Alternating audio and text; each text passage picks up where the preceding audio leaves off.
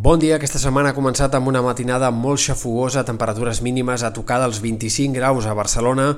i eh, temperatures mínimes tropicals, amb mínimes de més de 20 graus, fins i tot en sectors de Ponent, una de les nits més xafogoses per ser setembre dels últims anys. Esperem que al migdia la calor sigui fins i tot una mica més protagonista que no pas ahir, màximes a tocar dels 35 graus a Ponent, a la Catalunya central, fins i tot en valls del Prepirineu, i molta xafogó també a la costa on la sensació tèrmica se situarà al voltant d'aquests 35 graus també. Avui el sol predominarà, però a la tarda hem d'esperar que reapareguin algunes tempestes de caràcter bastant local, sobretot en sectors del Ripollès, Garrotxa, Osona, ruixats curts però que puguin ser intensos en aquests àmbits. Eh, no en descartem també en punts del prelitoral, encara que siguin en punts de muntanya del prelitoral, encara que siguin de forma més aïllada.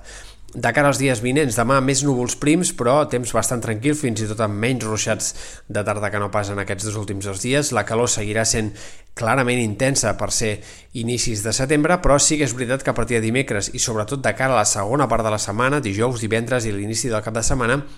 el termòmetre recularà d'una forma clara, una baixada que serà ben bé de 4, 5, 6, 7 graus en moltes comarques i que per tant tornarà a portar-nos a un ambient de final d'estiu com el que ja vam tenir en alguns moments de la setmana passada. Aquest canvi de temps anirà acompanyat de més inestabilitat. Dimecres ja tindrem alguns primers ruixats més extensos al Pirineu i de cara a dijous, divendres, els xàfecs i tempestes probablement apareguin en més comarques, comarques de Girona, Catalunya Central, altres comarques interiors, fins i tot sectors del prelitoral, encara és una mica aviat per precisar, però cal tenir en compte que dijous, sobretot divendres i en menor mesura encara dissabte, podrien ser dies de força inestabilitat i de ruixats molt dispersos però que puguin aparèixer en força comarques.